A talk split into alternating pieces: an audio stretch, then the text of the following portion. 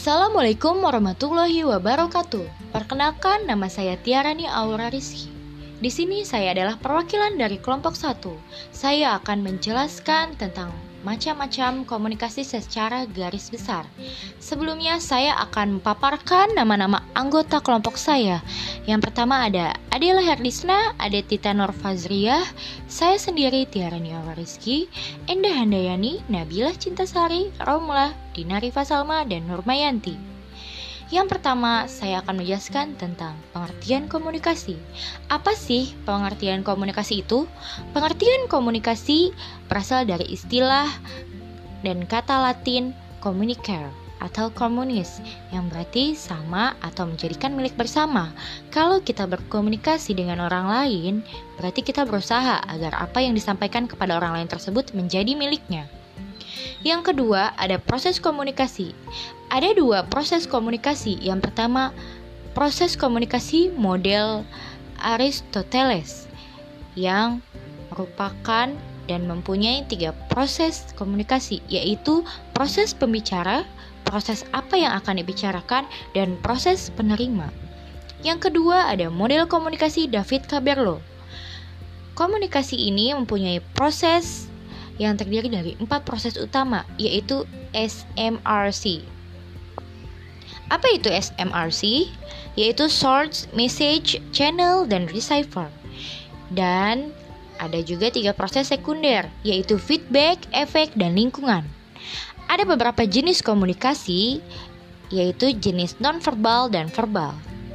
Jenis-jenis komunikasi mencakup aspek berupa vocabulary, racing, intonasi suara, humor, singkat dan jelas, dan juga timing. Juga mencakup aspek berupa ekspresi wajah, kontak mata, sentuhan, postur dan gaya berjalan, suara, dan gerak isyarat. Yang keempat ada hambatan komunikasi. Ada beberapa hambatan komunikasi, yaitu hambatan teknis, hambatan semantik, hambatan manusiawi. Hambatan teknis adalah hambatan keterbatasan fasilitas dan peralatan komunikasi.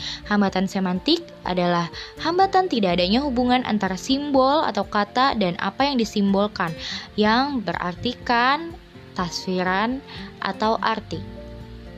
Hambatan semantik juga bisa menyebabkan kata yang kita pakai ditafsirkan sangat berbeda dari apa yang dimaksudkan sebenarnya. Yang ketiga ada hambatan manusiawi.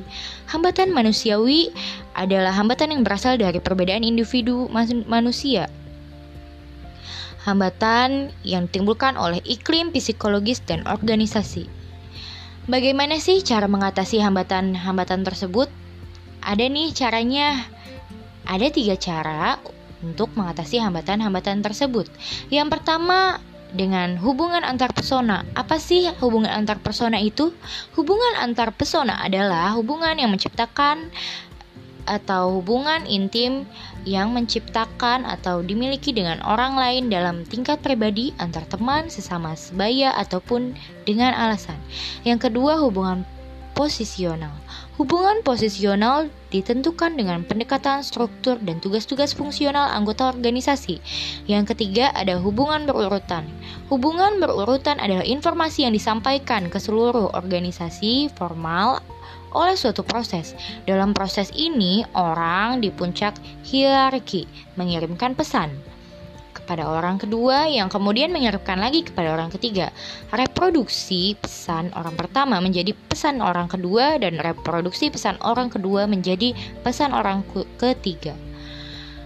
Demikian materi tentang macam-macam komunikasi yang saya jelaskan secara garis besar.